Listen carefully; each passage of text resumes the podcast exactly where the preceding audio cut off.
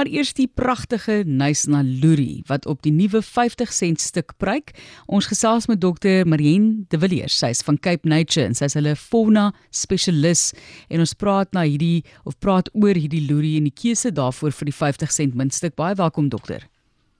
Dankie Marlies, baie dankie, waardeer. Hoekom dink jy is die Luri gekies? Ek dink hy is net 'n heel pragtige voël. Ehm um, die die kleure, die rooi en die en die en die uh, groen met die wit merke en die swart merke is net baie ehm um, Oh, skus, die Afrikaans gaan 'n 80 fence rate. It's very striking. So ja. ek dink dis een van die redes. So 'n loerie is nie net 'n loerie, is 'n loerie nie. Daar's verskillende loeries. Vertel vir ons van hierdie loerie asseblief waarvan hy's nou. Ja, so die Nysna loerie is een van ses uh tipe loeries wat mense in Suid-Afrika kan kry, maar hy is, hy is die enigste een wat in die Weskaap um, voorkom. En interessant al jy het gepraat van die muntstuk, maar al die die ander diere en plante wat op die nuwe muntstukke ehm um, voorkom is kom ook in die Weskaap. So dis nogal interessant vir my soos die koningsprotee en die betraalwyn en so aan. Maar om terug te kom na die loeries Ehm um, net die Nysna loerie in die Weskaap behalwe een rekord van die Mosambiek loerie, maar ons vermoed dit was nou iemand se troeteldier wat seker ontsnap het want hy behoort glad nie hier te wees nie. Ehm um, dan die ander loeries soos die grys loerie of die kweevoël, eh uh, blou kuif loerie en so aankom meer in die noorde voor. Maar ehm um, so die Nysnaglorie hy, hy is nogal wyd versprei. Hy's nie net in die Weskaap nie en hy kom al langs die kus op tot by van Mossel Bay tot by KwaZulu-Natal, selfs in Swaziland en ook in Mpumalanga en Limpopo. So so ja, hy het nog hy's redelik wyd versprei. Dit is hier op RSG indien jy vrae het, is jy welkom natuurlike SMS ook te stuur vir ons gas, maar hoekom het die Engelse naam verander van Luri na Turaku? Basies in lyn gebring met die naam wat in die meeste ander dele van die wêreld gebruik word. So in Engeland, Duitsland, Frans, Spanje en so aan staan hy bekend as Turaku of 'n variasie van daai naam, ehm um, bekend. So wat uh, daar's daar's verskillende redes hoekom voor se se name name verander. Dis een van hulle. Ehm um, 'n 'n ander 'n ander rede kan wees as navorsing bewys dat voëls wat ons vroeër geglo het baie naby aan mekaar verwant is, eintlik nie so so naby verwant is nie. Ehm um, op 'n stadium het ons dus dieselfde naam vir hulle gebruik, maar nou het ons uitgevind hulle is nogal verskillend en nog 'n uh, voorbeeld kan wees die visvante en patryse. Hulle lyk uiterlik min of meer dieselfde, maar geneties is hulle heeltemal uh, anders. Ehm um, 'n 'n ander rede vir 'n naamverandering kan wees dat die noem dieselfde noemnaam gebruik is vir heeltemal ander voëlsoorte in verskillende dele van die wêreld. En dan interessant, daar's nou 'n internasionale kommissie wat kyk na voëlname en en uh, kyk of daar sosiale redes kan ons maar sê is om hulle te verander. En daar's eintlik daar's 'n baie interessante voorbeeld die Jamison feed funky is genoem na 'n uh, eh, uh, eh, James Jamison wat 'n amateur uh, natuurkundige was. Uh, hy het in die 1800s vir Kongo besoek en hy was glo nie 'n baie aangename persoon nie. hy het um ses wit sakdoeke glo betaal aan 'n groep mense wat hy geglo het kannibale was. En hulle daai sakdoeke was nou betaling om 'n 10-jarige dogter dood te steek en vir hom op te eet. O, jene. So dis nou nie eintlik die tipe persoon wat ons die eer moet gee om om 'n voels om om 'n voelsoort naam te vernoem nie. So daar is verskeie redes om om name te verander. Ons gesels met ons gas dokter Marien De Villiers, sy is Cape Nature se fauna specialist. Nou daar is mense wat weet hoe en dan staan nuwe kan ek was sê voelkykers. Gee vir ons 'n idee van hoe maklik is dit om die Nysna loerie te sien te kry? Ja, hulle hulle kan eintlik nogal skuw wees in hulle natuurlike natuurlike omgewing. Hulle hulle bly in in woude langs die kus meestal. Ehm um, en hulle kan nogal secretive wees. So gewoonlik kry mens net so 'n vinnige blik van hulle tussen die blare van die bome. Dis dis eintlik 'n bietjie van 'n challenge om 'n mooi foto van 'n nice melodie te kry.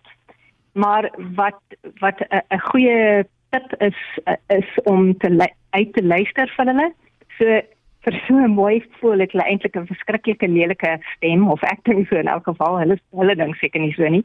Maar dit is so rowwe kor kor kor kor geluid wat hulle maak en Gewoonlik hoor jy hulle voor jy hulle sien.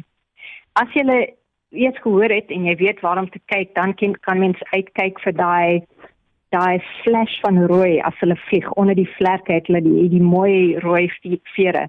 En as hulle vlieg, is daai baie sigbaar en dis 'n goeie karaktertrek om hulle uit te ken.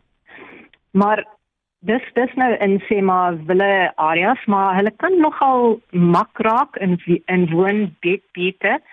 So my skoonsister wat seker luister, bly in Sedgefield en hulle is algemene besoekers na haar tuin toe. Sy het groot melkoutbome in die tuin en hulle kry op sekere tye van die jare vrugte en dan dit lok nou die die nasionalities aan. Hulle is ook uh, lief om te drink en te bad, so hulle soek tuine met voelbaddens uit en en kom kuier gereeld as as die kondisies reg is vir hulle. Ek dink die stem van die loerie wat jy nou nagemaak het was heel akkuraat, maar ek het dit nou vir jou gaan kry.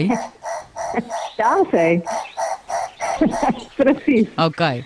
So as jy vir hom wil gaan soek, luister vir hom, so sê ons gas. Ek gaan nog so klein stukkie speel, dis dan die Nysna Turako met 'n C as jy hom wil gaan soek aanlyn.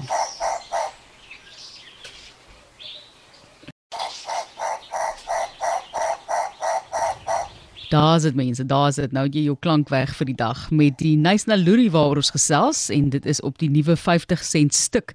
En sy het nou verduidelik daar ons gas hoe jy die luri te sien kan kry. Wat eet hulle en vertel ons 'n bietjie van die omstandighede in Nice na wat hulle dan geniet? Ja, soos ek gesê het, hulle bly in woude en hulle is heel afhanklik van vrugtebome. So hulle beweeg nie eintlik oor baie groot afstande nie, maar hulle sal die vrugte basies volg. Ehm um, hulle kom gewoonlik in redelike klein familiegroepe voor, sê maar 3 tot 5 voëls.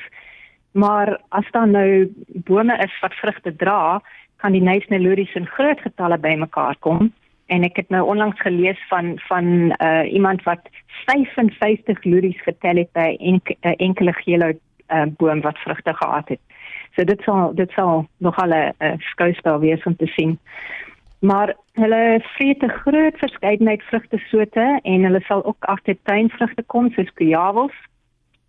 Ehm um, behalwe uh, vrugte, hulle eet ook blare en blomme van sekere ehm um, boomsoorte en hulle sal ook ongewervelde diere vreet soos sê maar vreemde termiete. Dit doen hulle veral as hulle kuikens het want die kuikens soek nou proteïene uh, om mooi te groei, so dis dan veral belangrik. Ehm um, ja, en nog 'n interessante feit is dat uh, as die as die kleintjies nou uitbroei, sal die ouers die eie doppe vreet en hulle sal ook die mis in insluk. Uh, Daar's 'n paar voels wat dit sal doen en ons neem aan dit is nou om die nes skoon te hou, maar dalk ook om om dit van roofdiere weg te steek. Is daar 'n spesifieke waarde of spesiale waarde vir die mens van die Nysnaluri? Ja, hulle is eintlik nogal belangrik vir saadverspreiding van vrugtebome.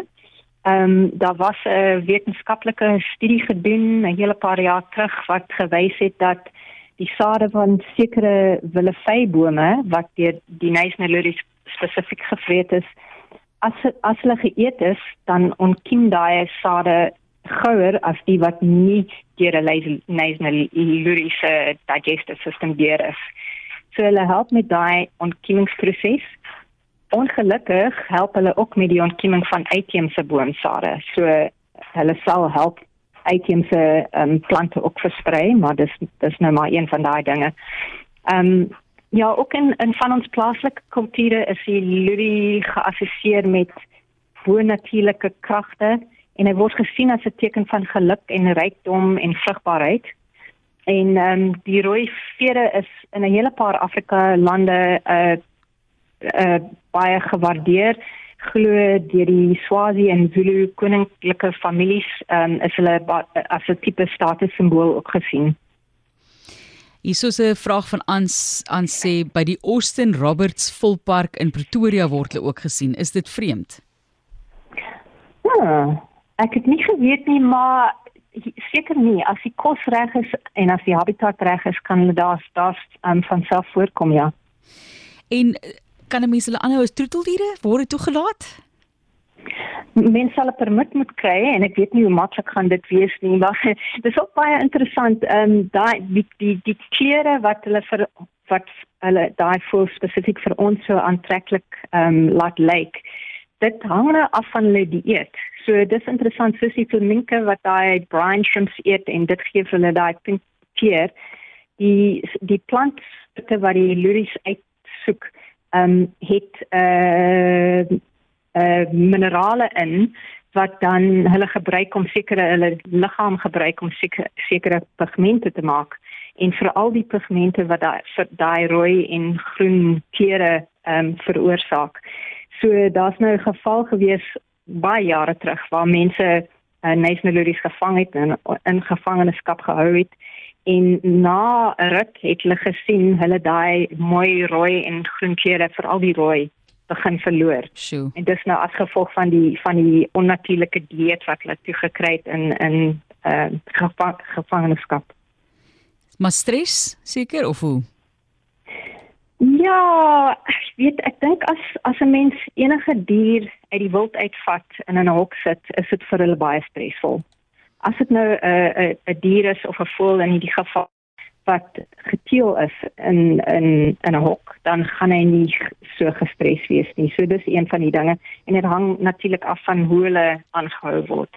As die hok nou groot genoeg is, die kos is reg en water en die hele sosiale stelsel en dit en so aan, dan is dit seker minder stresvol vir hulle los hulle maar in die natuur so ver moontlik. Ja, oh, los hulle maar okay. ek sê altyd so. Dis beter.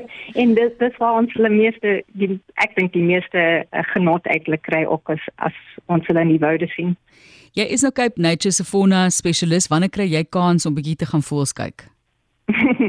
ek was 'n paar weke terug in Wilderness gewees en daar ehm um, vir Nice Melodies gesien. Ons het gaan stap daar um, in die woude en ja, dit is so pragtig en net om daai roep te hoor en te sien hoe hulle vlieg en daai daai rooi ehm um, onder die vlekke te sien, dit was vir my ja, een van die mooiste mooiste dinge.